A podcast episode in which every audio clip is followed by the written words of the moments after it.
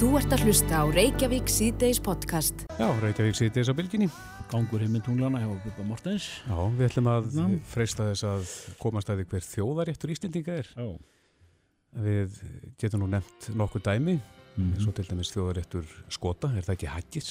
Jú, jú Eða með sko stegur manni sagt það sem, sem ferðalang Já, Eða var sagt En uh, maður er svo sem heyrt ímislegt bara í Íslandsögunni nýverið það, það er mennir alls ekki sammálu um það Ein með öllu var nú stungið á okkur hér já, já. Það væri, það er náttúrulega kjöt í pulsunni en, en með þeim hætti sem að við innbyrðum þetta er, er kannski eitthvað þjóðlegt við það en og svo er það náttúrulega þetta klassíska slátur, harfiskur Mhm. er, er þorrabakkin, er það eitthvað einhver þjóðarréttur ég held valla Nei. En hvað segir hefna Sætran, Sæl? Sæl, Já, sælir. Hæ. Eigum við til eitthvað svona þjóðarétt sem að hefur verið úrskurðaður sem slíkur? Sko, ég held að sé ekkit ofinbarlega búið að úrskurða eitthvað kjóðarétt, Nei. en mér finnst svona kjötsúpa vera daldið íslensk. Já, íslenska kjötsúpan. Já, hún er daldið sérstök. Hún er, þú veist, það er marga þjóðir með eitthvað kjötsúpur, en íslenska kjötsúpan er svona daldið okkar. Hvað er sérstakt við hana?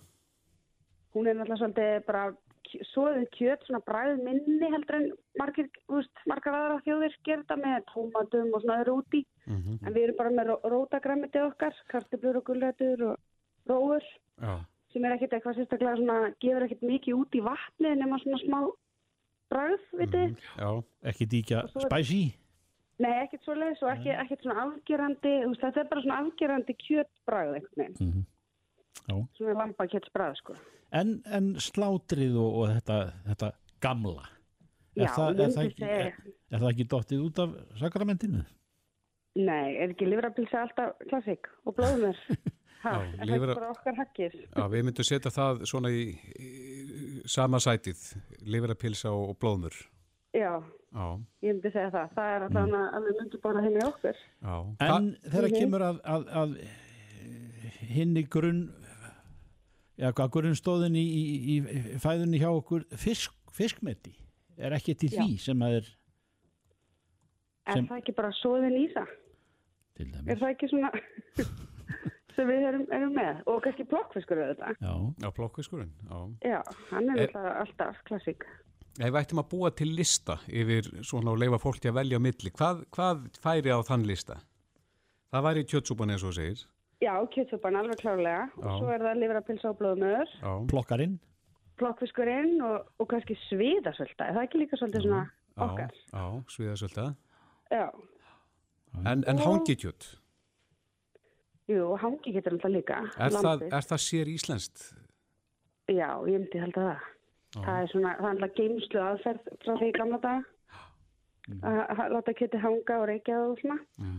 En, en bara en, allt sko en, um það. Já. Þessi þjóðaréttir eru allt svona, þessi gömlu réttir eru allt bara geimslu aðferðir. já, Og eins og frakkar, þeir voru að gera andakonfi sem að er náttúrulega rosa gott. Við vorum bara ekki heppin að finna eitthvað alveg eins gott og það, veitum við. nei það er nú ekki Við erum eins og súra og því, sko. við vorum ekki mikið að borða fuglinn heldur kjúklingana, Nei. þeir komið frekar sent í sögunar Akkurát. en e, þá er þetta svona upptalið í, í aðalatriðum en, en e,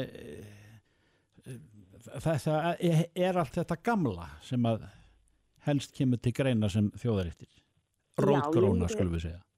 Já, er það ekki, því að við erum náttúrulega, við höfum bara, náttúrulega, við erum hérna ekki með svo mikið af svona rosa gömlu mat. Við erum bara frekar nýlega matafjóð Mm og það er náttúrulega ekki tamur gátt síðan að mikið var bara í dósum og, veist, við vorum bara með nokkra tegundra græmiti og águstum Já.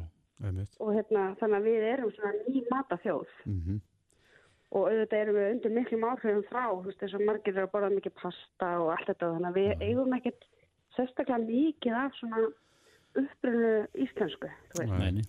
En við, að því við nefndum hérna og ætlum að setja saman þennan lista, þessu uppástunga með uh, eina með öllu. Já, það er náttúrulega líka, það er náttúrulega mjög þekkt Já, fólk hérna út í heimi, það er ekki bara Íslandika að borða hérna, koma til að fá segna með öllu. já, akkurat. Þannig að ein með öllu ætti alveg heima á þessum lista til að velja milli. Já, mér finnst það ekkert vittlust. Já. En, en lambasteikin okkar eh, á sunnundum, reggurinn og lærið jú, það er líka og, og líka náttúrulega lambi karri, er það ekki eitthvað Já, svona? lambi karri, já. Já, lambi karri, það er svolítið svona íslenskt. Það er eyfindu með hóri eins og hann kallar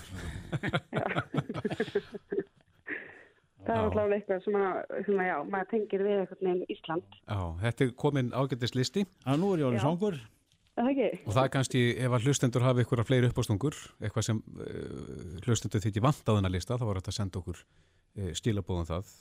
Einmitt. Það getur líka kannski verið svona fiskur í raspi. Er það ekki? Já, er það, er það ísa þá í, í raspi með, og verður remólað að vera með? Já, en, en það er nú kannski orðið svolítið þá svona danst eða. Já, er það með remólaðinu? Já, Eða það er bara lögsmjör Laugsmjör, já. selt, já. já.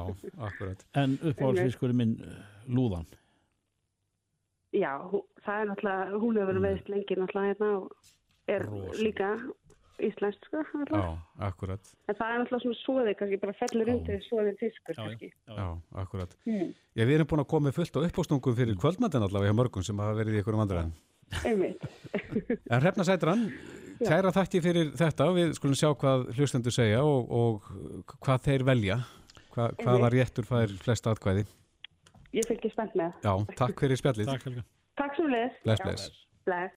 Þú ert að hlusta á Reykjavík síðdeis podcast. Jæja, PISA-könnunin hefur verið til umræðu hér og þar og allstaðar Mhm.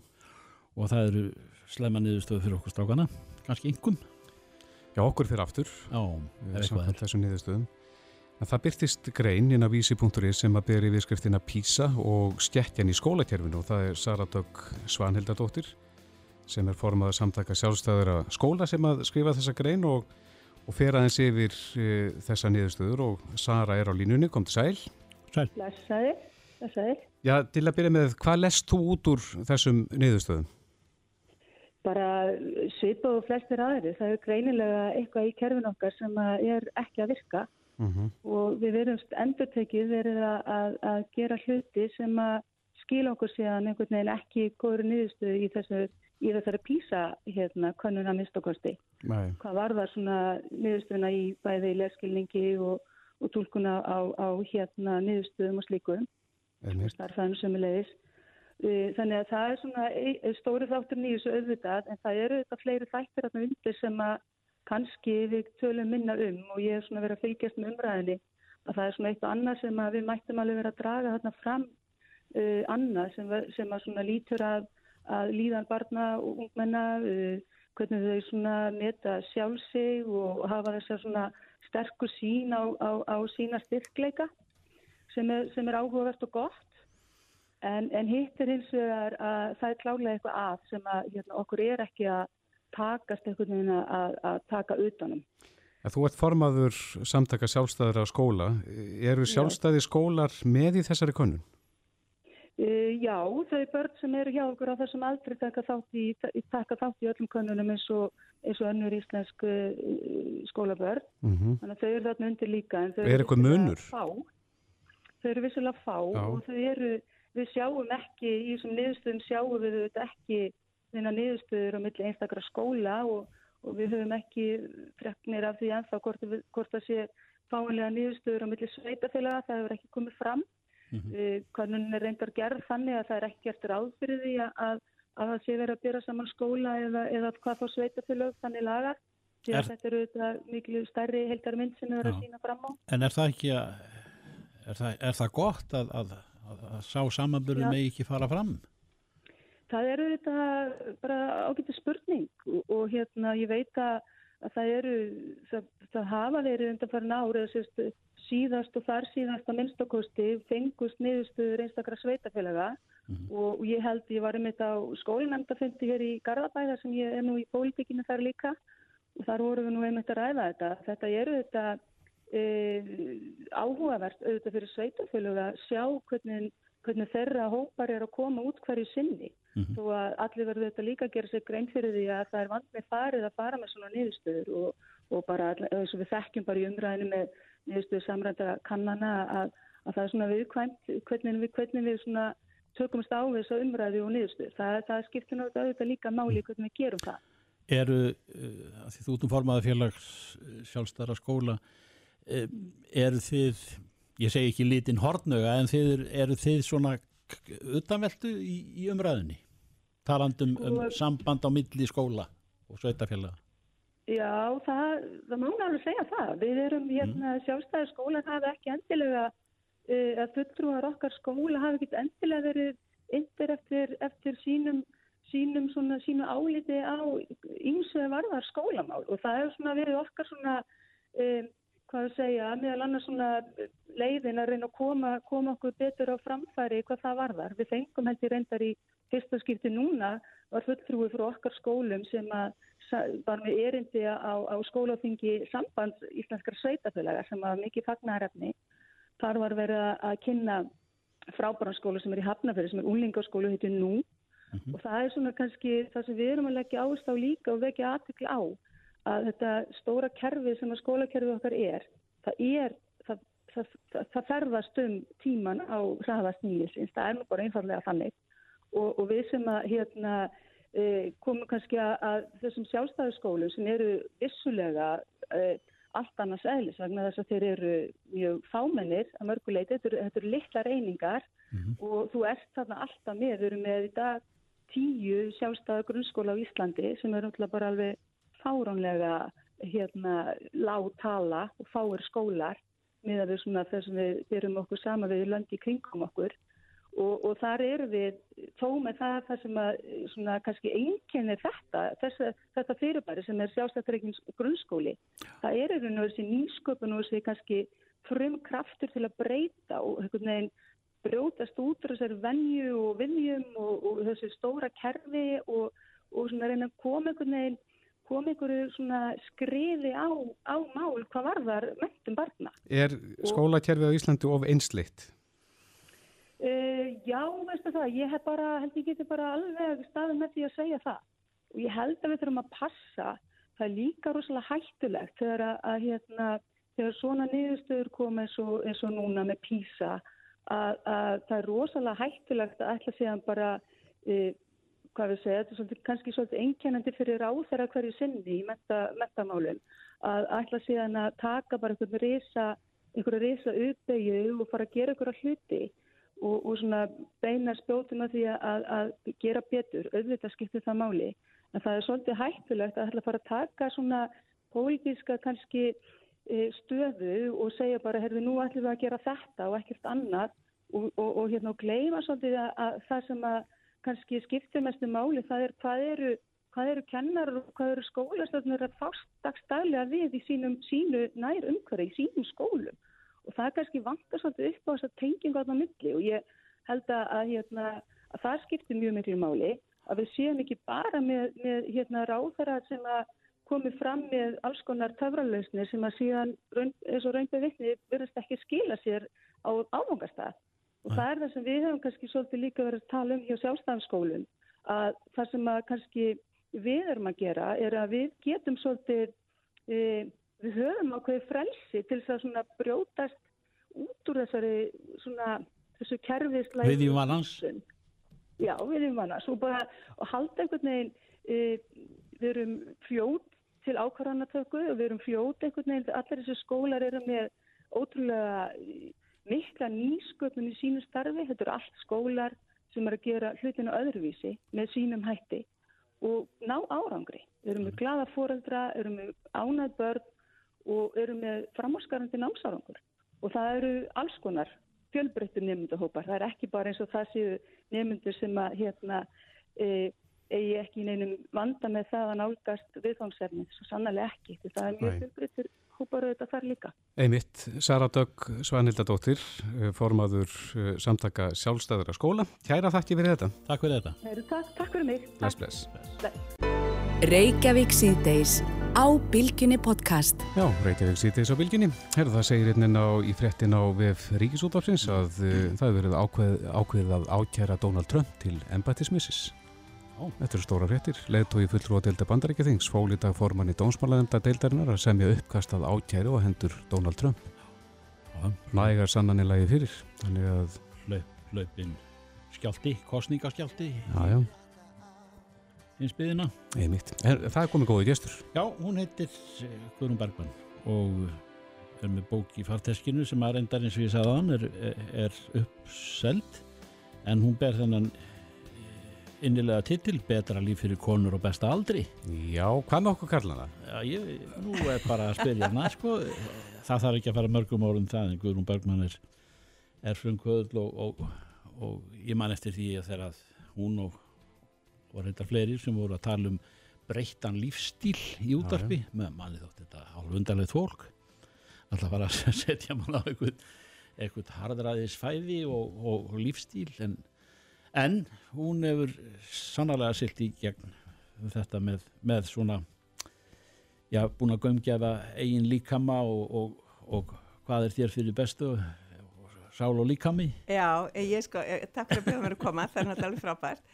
En hérna sko bókin heitir Betra líf fyrir konar á besta aldri. En ég myndi segja, hún myndi alveg henda kallmennum jafn vel mm -hmm. ég hins vegar ákvaði að skrifa hana fyrir konur af því að ég er búin að halda námskeiði fyrir 30 ár og á þessum 30 árum þá hefur hlutvall karla á námskeiðum sem að fjalla um breyttan lífstíl eða breytt mataræði eða einhverjar tilfinningarlega úrvinnslu eða eitthvað þess að það er ekkert breyst Nei. í svona hóp sem getur verið frá 20 og upp í kannski 40-60 þá er svona á bílinu 1 til kannski fjórir karlmenn Af hverju heldur það það sé? Ég, Af hverju eru svona treyr? Sko ég held að karlmenn hafa bara svona hérna það er inn í okkur þessi hérna harka mm -hmm. að, að hérna bara hvað heldur ég get finna eitthvað til? Ég menn það er ekkert mál ég bara held áfram skiljiði. Mm -hmm. og ég held að það sé eitt, eitt þátturn í. Því og svo held ég líka að konur sé bara meira leitandi heldur en karlar.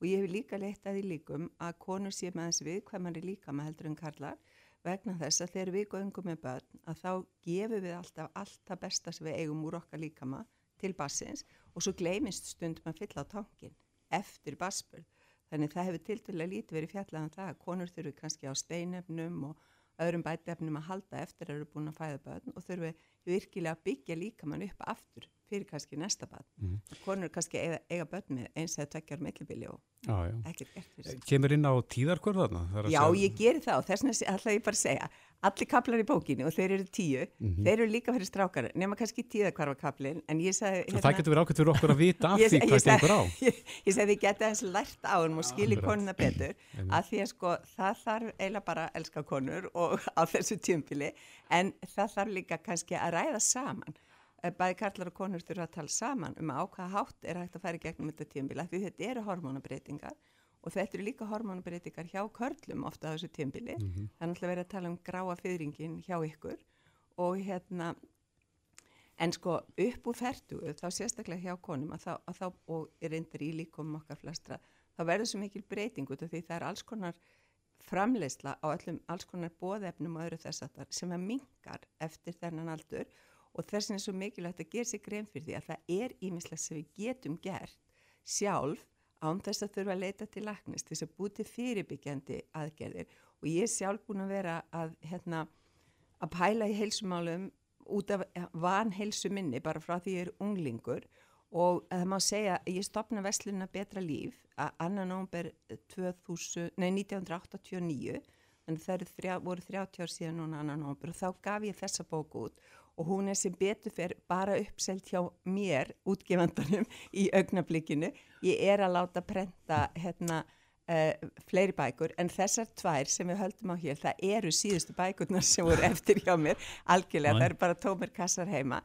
Uh, svo að, að hún er, er, hún er vantarlega áfram í vestlunum fram til jóla. Ég las eh, núna nýverið eh, einhvers þar haft eftir þér að, að þú hafur verið komin í þrótt þegar að þú á, ákvast að breytum stíl aftur eða, eða þú varst Já, já, ég sko þegar, þegar maður minn heiti Dó árið 2004 að þá var það þannig að við vorum með hótel í Rekstri mm. á hellnum og það er náttúrulega daldi langt frá öllum svona þéttbílskjörnum þannig það er freka töfrakstur að vera með svona staðsetningu og ég tók bara að mér starfa okkar begja og það má segja að allt það sem ég hafi gert gott fyrir heilsuna fram að þeim tíma það eigilega týndist á þessum árum Ég byrjaði daginn mjög vel á kannski heilsusamlegu morgumerði en svona undir háti þá var það bara kannski það sem var hendi næst sem hafði gripið í.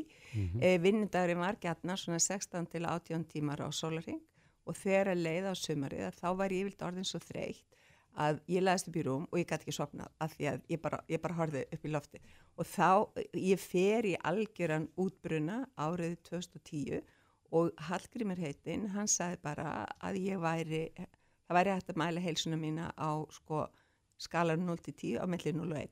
Já. Þannig það tók mig tvö ára að snúa eh, ferlinu við og eftir það hef ég verið mikil boðberi þess Mhm. að En fólk af- brenni ekki út. Af, af því sem að þú hefur gert í gegnum tíðina, Já. hvað er það mikilvægasta af þínum mati?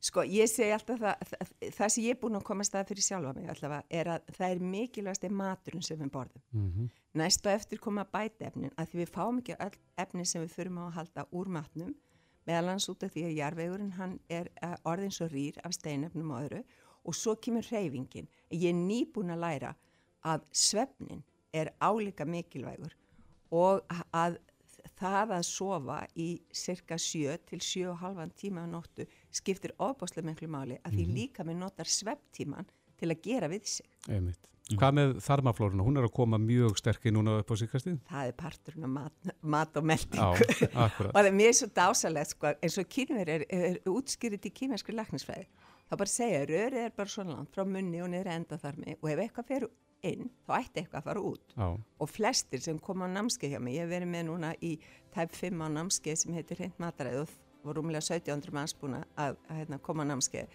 að flestir eru með meldingavandamál og hægðatræðu og eru ekki að hafa hægður á hverjum degi og þá sé ég, þá er fólk bara að sapna SKIT innan í sér akkurat. af því að það er ef þetta fyrir ekki út þá er þetta inn í okkur Já. Guðrún Bergmann, uh, gaman að fá þig hingað og, og það, er, það er hérna mjög fróðlegt að heyra þig því að þú ert búin að gangi gegnum margt í, í, í þessum efnum og, og hefur höndlað, má segja, sannleikan. Og bókin heitir Betra líf fyrir Betra líf. konur á besta Besta aldri. aldri. Já. Takk fyrir komin okkur. Takk fyrir Takk sem komuna. leis Takk.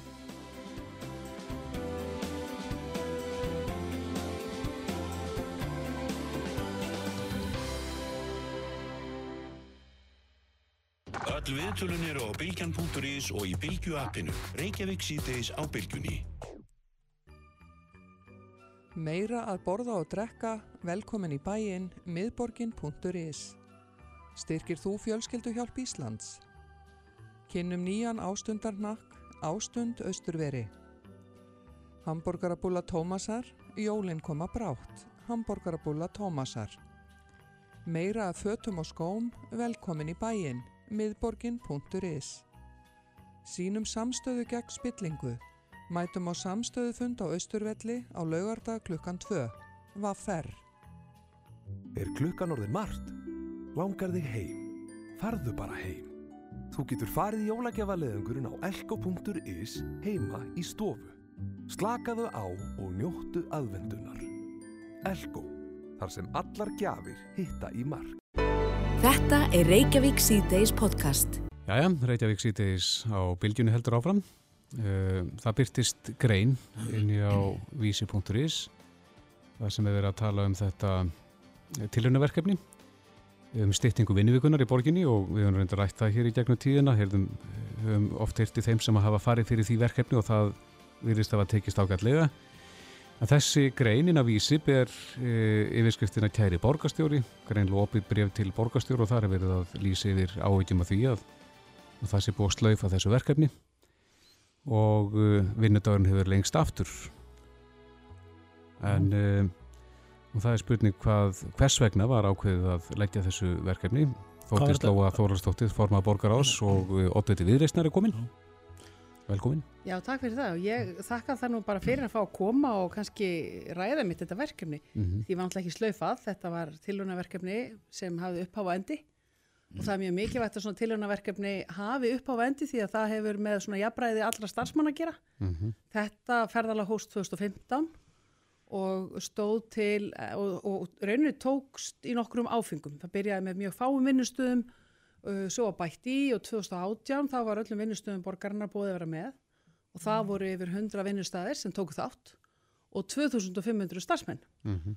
Og það, þeir sem að tóku þátt þeir skrifa allir undir samning og hann byrjaði ef ég man rétt í mars 2018 og endadagsningin var í lok ágúst á þessu ári. Hvað náði þetta til margra? Þetta náði til 2500 starfsmanna allt í allt, Borgarinnar. borgarinnar, já. Já. Og svo er þetta verkefni sem að sko var ákaflega áhugavert í alla staði því að þarna var verið að uh, kanna á leiðinni mörgu sinnum uh, bæði háskólinn á Akureyri og félagsvísindastofnun og síðan nemar voru að kanna svona áhrif, uh, hvað fólk, fannst fólki um þetta, hvað áhrif hafa þetta á vinnustæðin. Uh, þetta var tilunarverkefni sem var þannig að það var ekki bætt í þetta neinu fjármagni frá, frá hálfu borgarnar, þetta var bara rúmast innan þess ramma sem starfseiningarnar höfðu og, eh, og þannig það var kannski endurskipulegja og þetta var allt saman stútirað og, og þetta er hérna mjög áhugavert því að það er mikið lánaði með þetta og ég skil vel í þessar grein að það er söknuður eftir þessu. En var ávinningur af þessu? Já, ég held að fólk hafi yfir höfuð verið bara mjög ánægt. Já, það var mjög mismunandi ávinningur og ef ég væri vísindamanniska sem ég nú ekki, mm -hmm. að því að ég veit að sko vísindafólki okkar sem að skoða þetta, það var að skoða er alvöru fylgni á milli þess að það er ánæra núna en áður og og svona hvað áhrif eru þetta heilsuna og fleira. Já, veikindadagur og annars líf. Já, og svona, svona e, hvað maður segja, yfir allt saman, þá litum við þannig á að það hafi verið heilmikill ávinningur af þessu, mm -hmm. fólkið ánægt, við heyrum að það er kallað eftir styrtingu vinnuvíkuna núna og ég þekki þetta personlega frá Finnlandi því þar var ég í rekstri í með vaktavinnustæði, með nokkuð marga vaktavinnustæði og þar var þetta verkefni komið þegar í kjærsamninga og miklu lengra og ég er mjög hrifin að þessu því að þetta bara svona uh, þetta, rým, þetta rýmgar í lífinu. Verður framhald á þessu hér? Tilunaverkefni er búið Já, og nú eru náttúrulega bara kjærasamningar eins og við þekkjum mm. og það samtala er þar þannig að við eh, erum ekkert neitt í því meira sko. Nei, en þannig að miða við ávinningin uh, þá er í rauninni ekki sniðugt að, að fara ekki í þetta aftur. Ég held að sko það sé komið svona ákveðin þróun í þessa átt og við erum, erum, erum að fylgja uh, fordæmi Dana, Normanna, Svíja og finna í þessu sem eru komnið lengra. Við erum ekkert að finna um pjóli hér mm -hmm. og ég, mér finnst gaman að sjá og ég þakklátt fyrir að heyra að fólk er að sakna þess og það er ekki síst er ég, finnst mér mikið vægt að heyra það frá stöðum sem er ekki dæmi gerðir kvennavinnustæðir. Mm -hmm. Því að það hefur líka oft verið gaggrínt að þetta væri nú bara eitthvað svona sem væri hægt að gera í dagvinnunni og fleira sko. Að þetta er eh, svona höfuð við heilt að þá hefur þetta hérna, virkað ágætlega og, og í það minnst að samkvæmt þessu brefi sem að byrtist þetta inn á vísi.is þetta voru fimm tímar það er þessi eh, stýttingi þegar hún var mest svo var uh, hún stýttnir í þrjá tíma Ég þekki ekki neitt mm. til tæknilegra útfæsna á þessu verkefni sko. Þið erum að fá okkur sérfræðing í það á, En, en þóttið smíða við hérna tíma sem þetta við tekið, þetta eru fjögur ár mm.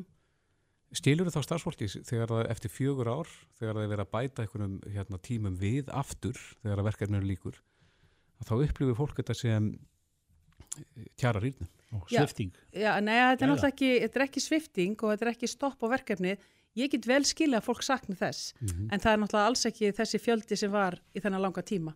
Eh, þessir eh, stóru vinnustæðir sem bættust í, þessi 100 vinnustæðir, það var bara frá mars 2018 til ágúst 2019. En það voru aðri vinnustæðir mun mun færri, það var að byrja á tveimi vinnustöðum ef ég mann rétt 2015, þetta var að byrja rólega að því að það var svona mikil óvisa í þessu líka og heilmikið að læra fyrir bæði vinnustæðina en líka fyrir starfsfólkið, áttu að segja hvernig getur við við erum vöna að vinna ákveðna marga vinnutíma, vöna að gera ákveðin verk þar inni, eru er við að fara að ná að gera það á, með þessari stýttingu og þannig að það var heilmikið lærdomur í þessu og ég, ég skil alveg saknuðin og ég held að hérna, ég held við séum bara öll, sem samfélag með það í fanginu núna að taka þessa, þetta samtal viljum við stýtta vinnuvíkuna og hvað mm. áhrif hefur það á samfélagið. Við erum ofta að tala um einfalda lífið og þetta er sannlega partur af því. Þannig að þetta er, er svona næsti, kannski næsti kapli í þessu máli er að ræða þetta við samningaborðið. Já, mér langar, má ég koma einu aða því að þetta var nú, hérna, ef ég mann rétt hverfistöð í Reykjavík sem að senda. Mér langar bara að fá að þakka fólkinu úti á hverfistöðun Reykjavíkborgar. Ég veit ekki hvort það hefur tekið eftir. Ég er að koma út úr meðborginni og út úr hundar ljósaborginni Reykjavík sem er alveg stórkosli núna fyrir jólinn. Og þetta er starfsfólkið sem er að græja og gera jólaskreitingarna okkar já, já. sem eru frábærar. Sko. Hverfastöðin á Njarðagötu? Já þetta eru stafsmið þar sem að skrifa undir þetta. Já og sjá um að halda öllu hreinu og falliðu og skreittu hjá okkur. Já, já. Gekk, fyrir, gekk þetta eftir í Finnlandi? Þar að segja eh, stytting? Já, þetta er bara komið inn í kjærsamninga þar, já. bæði hjá dagvinnu fólki og vaktæðinu fólki mm. og uh, heilmikið stytting og þannig að það er allt umhverfið uh, í, í svona bara vaktatöflur, þið erum vön allskins í vaktatöflum, bara ef við tökum hótel og veitingahús, þið kannski þekki þessar kokkavaktir sem hefur verið talað um 2-3-2 og svona þetta þarf öll að breyta og við þurfum, og þetta er heilmikið kultúr sem að við breytum og ég bara tók þátt í þessu, það er náttúrulega svolítið langt síðan, ég meni ég hætti við minnregstur í Finnlandi 2015 en ég var þar í áratug þar á undan og við tókum þátt í þessum breytingum.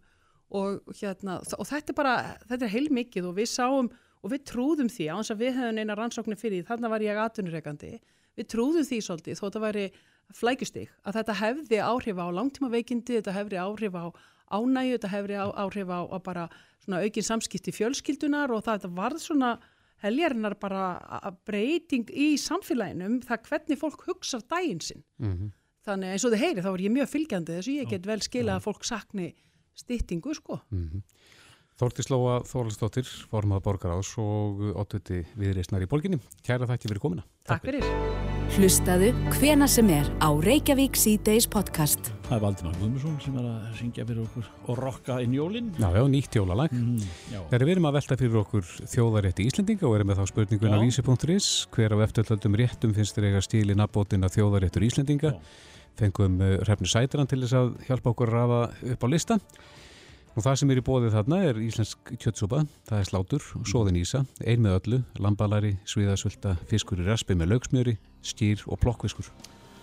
Við, við höldum að það sé nokkuð tæmandi listi. Já, en eh, Vala Valtísdóttir, skattalagfræðingur, hjálpafræðistóður Reykjavíkur, sest hérna hjá okkur, eh, áður en við förum að hlýða þér yfir stutlega á alla. Hver er þjóðarétturinn í þínum höfða? Ég, það er nú svo marg sem ég kemur til greina, en ég er svona hallast að sko hann er gott kótilettum í raspiði kjötsúpu. Já, Já. þá hóðum við það. Já, ég hugsa margir tækjundi það með þér. Erðan það eru þessi lög sem að voru samþitt í gær eh, breytingar á sköttum og uh, við erum að velta í fyrir okkur hvernig, hvernig koma þessa breytingar niður á almenningi? Hverjir er að fá lækkun og er eitthvað hækkun? Sko Ég hef nú ekki búin að reikna þetta mikið út en það líka myndi ég ekki treysta mér mjög mikið við að reikna út en það er eitthvað lögfræðingu sko. En svona rauninni það sem kemur nú fyrst fram það er náttúrulega verið að breyta hérna kerfinu þannig að vera að bæta aftur við einu þrepi viðbútt mm -hmm. sem er svona alltaf vond og flæki hlutina og gerir það nú alltaf og gera verkeflins að mittfærlegu persónafslóttir hann er ekki að fullu mittfærlegur Er þetta nýtt milliþrepp? Já, þetta var hérna fyrir hvað, nokkur már síðan, það er alltaf verið að keira úr og í með þetta, en mm -hmm. það sem gerist hérna líka, það er verið að nýja þreppið, sem sagt, lægsta þreppið, það verður 70%, en það verður ekki fyrir 2021. Mm -hmm. En maður lesi rauninni kannski fréttin inn á hérna, inn á, fjármál og efnasáðundinu mm -hmm. þegar þá kemur fram að ábæti skilir sér til allra tekju tíunda og mesti þeirra tekju læst en tekju skattu þess hóps lækkar rumlega 120 svona ári þetta er náttúrulega aðeins of mikið í lagt er sagt þarna þar sem þetta kannski á við meitt tekju hóp í rauninni Já. og þá í rauninni á 2021 þetta er í teimu skrefum mm -hmm. ekki kilma því þannig að læra þrepi 2020 verður 20,6 er lægsta. Og í rauninni aðeins herra en læra þrepið í ár annað þrepið sér satt en svo verður 2021 það voru í 70% og svo 23,5 en jáfnfram verður personáslottur lækkaður því að skatleysismörkin haldist eins. Mm -hmm. en þetta þýðir það til mig segir svo fyrir það sem eru 280.000 kalla mánuði hérna á næsta ári. Já. Þá myndi það þýða það að það er lækkun hjá þeim yfir allt árið er 25.260 mm -hmm. og þeir sem er í næst, segjum bara 370 skonunar á mánuði þá, þá er lækkun næsta ári 41.000 rúmar en 124 árið 2021 og líka lækkun hjá þeir sem er 835 það minni lækkun.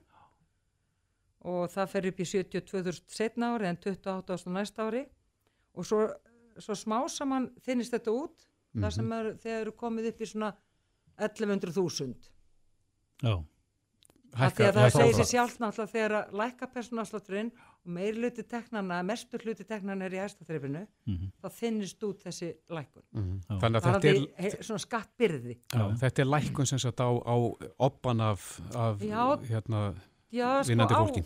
Já, þeir sem eru undir, bara, segjum bara að ég tók 900.000, þá er það náttúrulega alveg lækkun fyrir þessu aðila, mm -hmm.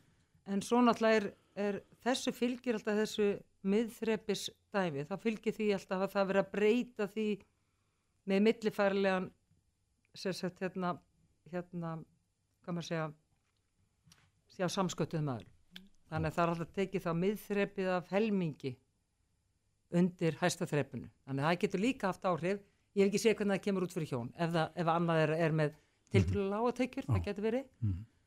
uh, þannig að svo lýsir það, en svo er náttúrulega líka verið að lækka vísu tryggingjaldið á fyrirtæki. Á fyrirtækinu. Mm -hmm. mm -hmm. alltaf, sem hefur verið kallað eftir. Hvað er það mikið lækun? það fennir 6,35 eða 6,5 í dag. Úr, já, er það í 6,5 í dag? Já. og fyrir niður í? 6,35 mm -hmm. þannig að það er svona að það skiptur nú máli sko, hefði haldið að, að það gerði það nú, af því að það er þetta er alltaf doldið svona mm. Þetta allan á launagreðendu finnst þetta raunni kannski koma oft í vekk fyrir það að þið geti hækka laun. Mm. Þetta hefur haft fríspil núna. Já, en þeir sem eru í lagstu launum já. og já, undir 300.000 til dæmis, e, þetta er, ég segi kannski ekki áþreifanlega, hún er eh, umtalsverð lækun þá, 2021. 2021, já. En það mest, sko þetta kemur best, þetta, sko ef maður tekur bara þess að þrjá flokka sem verða mm.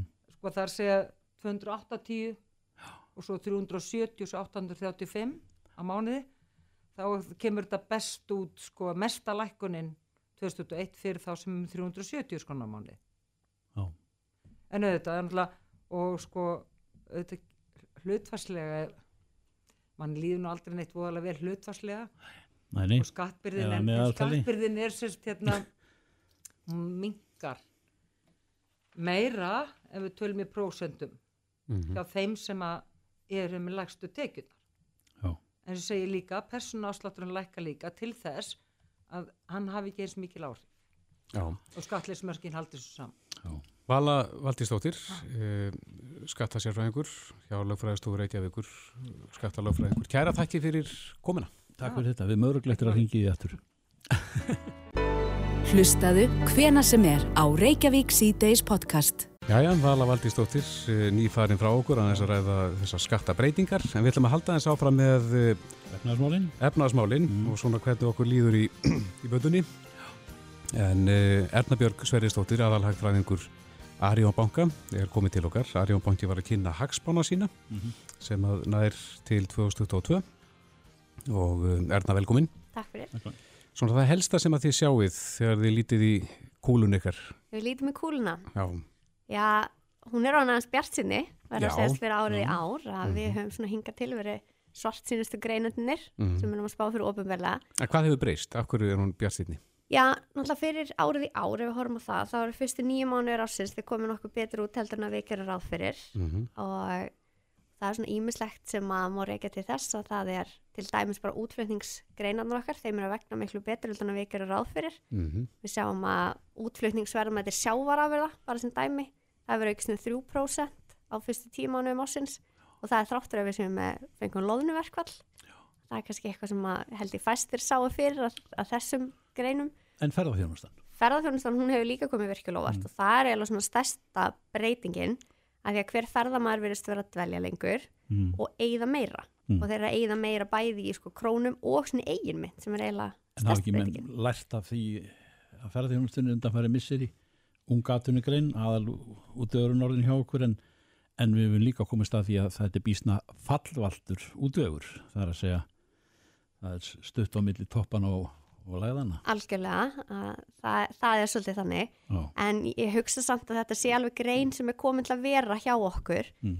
en eins og útliti fyrir á næsta ári að það stefni allavega nýja ári árverði 15% samdráttur í komið ferðamanna og við erum ekkit endilega sérstaklega bjart sína það að erfiðleika greinan að sé á baki á næsta ári Nei. og við erum að gera ráð fyrir að það verði bara 1% fjölgun í komið ferðamanna þannig að það má mjög lítið út að bregða til við fáum samdrátt annar ári í röð Mm. En þegar, þið talum um samdrátt, erum við þá að tala um að þeim er samt að fjölga? Það er að segja bara minni hérna, fjölgun heldur en...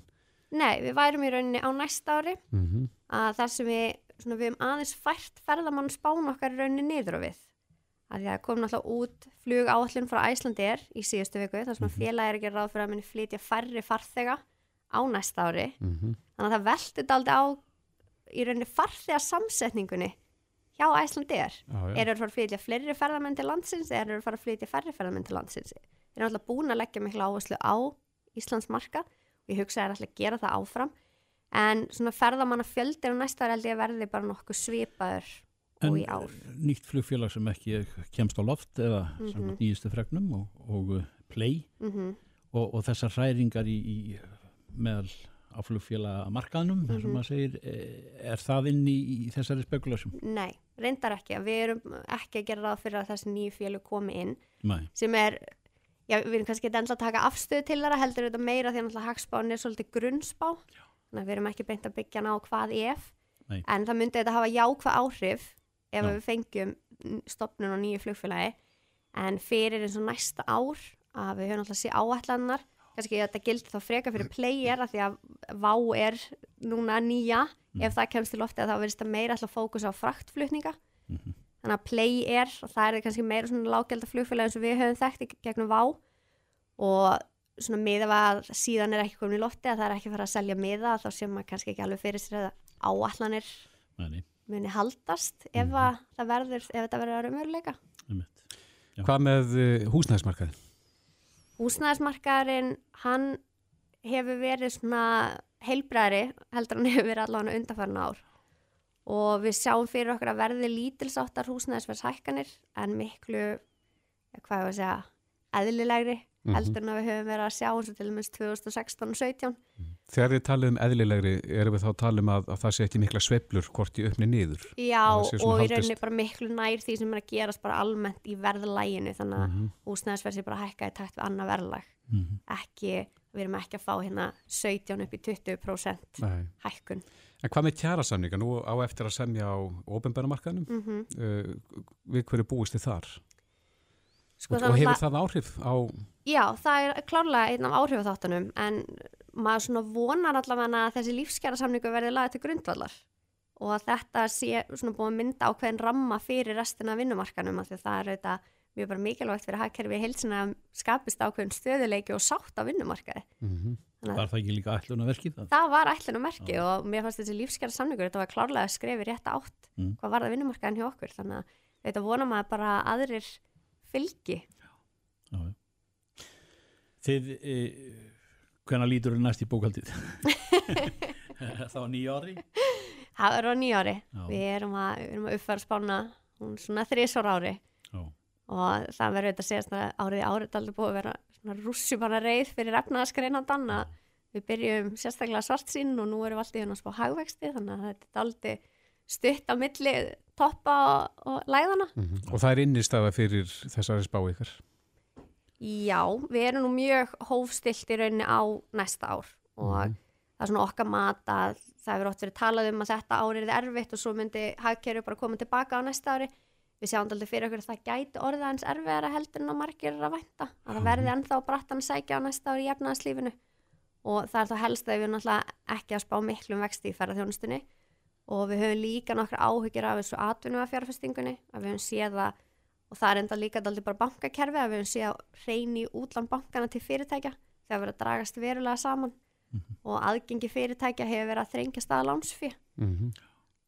En er Það ekki uppbyggjandi að tröstir hann á sig að ha- ha- hafa að halda því í skefjum til þess að uh, ofgera ekki? Jú, maður vil náttúrulega ekki, vil ekki ofjárfesta. Nei. en það er alltaf ákveðin svona fjárfestingastig í landinu sem hún vilt halda í rauninni bara til þess að tryggja verðmændasköpun framtíðarinnar. Mm. og það er ekki æskilegt að fá svona miklar sveiflur eins og í þess að svona svo fjárfesting sem við erum mest að horfa er svona hefðbundin atvinnuða fjárfesting sem eru það bara lang flest fyrirtæki heimil í, í rauninni landinu sem standa bak við það. Lang flesti landsmenn er að vinna hjá þessum fyrirtækjum þannig að maður vill að þau svona séu að fjárfesta við halda að verma þetta sköpun hagkerfisins. Mhm. Svona rétt í lókin, er, erum við að horfa fram á, veginn finnst manni það, þegar maður er búin að vera lengi í, í hérna, þessum þætti að, að stöðuleikin sé svona verða meiri. Mhm. Að svona uh, fyrri tíma sem að voru sko óstöðuleiki mikið til en, Já. En einhvern veginn stöðuleikin er einhvern veginn meira allsráðandi núna í setni tíð. Já. Tekur undir það? Algjörlega, við erum svona, við erum að vera aðeins þroskara hagkerfi. Já, við erum að læra. Við erum aðeins að læra, já. Já, Við erum mjög jákvætt. Já. Erna Björg Sverrisdóttir, aðalhagfræðingur Arjón Banka. Kæra þætti fyrir komina. Takk fyrir. Þú ert að hlusta á Reykjavík C-Days podcast. Já, já, það stýttist í jólinn og uh, það er náttúrulega mikið rætt um hérna, jólagjafir og jólabækurnar, þær koma mjög sterkar inn. Já, En já. það sem er einhvern veginn alltaf, sko, ma maður er með jólabókina í, í vinstri eða hæri og, og í hinni er, er hljónplatan, eða hefur verið í gegnum tíðina. Já. Geisladiskurinn Já. og hvað svo? Já, en það er spurning, nú eru breytti tímar. Já. Þannig að hvernig líður hljómplötu framleiðendum svona á þessum tíma þegar að jólin er að bresta á? Þeir sem vilja gefa íslenska tónlist í jólagjöf, hvaða leiðir fara þeir? Spyrjum Eð Arnarsson sem er frangatastjóri íslenskara hljómplötu framleiðanda. Sæl. Já, sæli verði. Að gefa íslenska tónlist í dag, það er ekki hlaupið að því eða hvað? Jú, jú, það er ekkert mikið flóknar en það hefur nokt til að verið áður í sjálfu sér. Það megnið af nýjum íslenskum breyðskífum, ef við notum það hugtak, koma út á annarkvort eða bæði seti og vínil. Mm Eh, Ég myndi svona skjóta á að um það byrja 80% allra til að komi út á förstu formi. Já, en hvernig hefur þróunin verið? Þróunin hefur verið á þá leið núna í mörg mörg ár að stafræna neslan hefur jæmt og þetta aukist mjög mikið. Og þá er ég fyrst og fremst að tala um Spotify af því að Spotify er allsráðandi á Íslandi. Já. í, í þessum heimi. Eh, og á sama tíma hefur salan á hljómblutum bæði vínil og, og setja minkað sem er svo sem alkunna. Hafa einhverjir aðrir komið til greina en Spotify? Ég er nú bara að hugsa um samkeppni og, og svona, e, svona gamla horfið á þessu þar að segja menn útgefundur keftur, keftust við að ná í góðar, góða listamenn til þess að gefa út, gefa út og svona eða e, og, og líka það að, að menn kannski þýstir ekkit um að, að, að, að vita hvaða eitthvað um artistan eða höfundlags og ljós eða texta og, og eitt og annað í kringum tónlistina? Jú, jú, þetta er auðvitað svona ákveðin galli á þeirri annars frábæru þjónustu sem þessar tónlistaveitur geta veitt. Það er svona ákveðin skortur á upplýsingum og þeir sem að vilja fræðast meira um hverju spila á hvað, hverju semja hvað og hvað er tekið upp og svo framvegis. Þeir, þeir vissulega fá ekki þær upplýsingar nema á plötunum eða geisladiskonum eða vínilútgáðunum en uh, þetta er líka bara merkjum hvernig neistlan hefur breyst sko, hún hefur, hún hefur líka aukist alveg gríðarlega með tónlistaveitunum það er ekki bara það að allt hafi farið niður á því heldur þvert á móti hefur sko, hlustun á tónlist hefur aldrei verið meiri. Og maður segir þetta svo sem ár eftir ár þetta er líka alveg rétt. Nú er hann algast sko í 100.000 greiðandi áskrifundur á Spotify á Íslandi. Mhm. En þá er, þá er það alltaf líka spurning ekki satt eða hverjir eða þeir sem búa þetta til hverjir eru framleiðendurni sjálfur þeir Mm. þurfa náttúrulega sitt en, en eh, þeir bera skarðan hlut frá borði eftir að þessi tek, tækni kom til Svona já og nei, það, það er einmitt ágætt að fá tækifæri til að benda á það að til dæmis um, heildar verðmæti af sölu, nú bara allt saman sölu, heildar verðmæti á sölu á tónlist á Íslandi í fyrra var það hæsta síðan 2007. Þannig að þetta er alls ekki jafn slæmt og margir virðast halda. Eh, Þetta er fyrst og fremst mjög, mjög breytt. En, engin vaða auðvitað á því að, platan, hefðbundna hljómplatan, hvort sem það er gísladiskur eða vínul, hefur farið niður á við. En á móti hefur þessi stafræna neysla farið svo hratt upp að staðan í bransanum sem slíkum er alveg ágætt. Er, eru það lagahöfundar sem njóta þess og, og, og textahöfundar og, og, réttafarnir. Já, flyt, uh, höfundar, útgefundur sem skipta með sér þessari köku eins og þeir hafa alltaf gert. Mm -hmm. Þannig að það er allir að njóta þess en, en vissulega er samt sem aður uh, þetta nú allt þannig sett upp að, að þeir sem hlusta mest á veituna, þeir ráða mest um það hvernig peningarnir skiptast Þannig að uh, þeir sem að er yngri eru njóta betur vegna þess að yngri hlustendur eru miklu dugleiri Já. við að hlusta. Einmitt. En uh, þa þannig að, að þessi, þessi breyting sem er komin til fyrir nokkrum árum að hún, hún er ennþá í vexti. Mjög, mjög miklum. Nú vitum við að vínilplatan hefur náttúrulega henni verið vaksið þýskur um sig þegar maður notar gammalt orðtaki við það. Aldeilis, já, já, já, vínplatan kom aftur og, og hefur gert bara virkilega góða hluti og eiginlega bara út um allan heim. Já, já. Og uh, CD hefur haldið áfram að minka eins og hér eins og allstaðar en uh, samt sem áður er keisladiskurinn og vínirplatan ennþá drjúur hluti af sölunni. Já, Já þú nefnir hvað, 20% af því? Já, þetta er svona eitthvað staðar á þeim nótum kringum 20% af heldinni Já, já Já, þetta allt framstreymir enda löst og, og já, tekur breytingum og allt, allt góðu með það. Dagur íslenska tónlistar ímislegt gert í tilefna því, þú er orðið vitna því. Já, ég fór nýri í Nó í hátteginu og, og var vitni að þeim háttíðahaldum sem var bara mjög skemmtilegt. Já. Virkilega gaman. Þar voru þeir yngstu og þeir eldstu að Já. að syngja ymsar tegundir Já, já, já, já, hann var auður og hann söng engin eins og þú. Mm -hmm. og uh, Raki Bjarná og Eithor Ingi sungu lag Þorvalda Bjarná og, og, Geira Sæm Fróðuna já, já. og svo söng Mattildur uh, Ammæli Sigumólana Já. Þetta var virkilega fínt. Já, já. Eh, Eður kæra þakki fyrir þetta gaman að heyri þér þó ekki séu nema á svona með árvissum millibili. Þetta, er áleitt símtal, já. Áleitt símtal og, og gott að heyra því að, að, að það er svo sem ekkit kalda kól framundan í, í, í útgáfu á tónlist hér á Íslandi. Alls ekki, útgáfun er bara jafn mikið lónu en það er alltaf verið, það er engin afsláttur af því. Takk fyrir spjalli kjærlega Takk sem við leiðis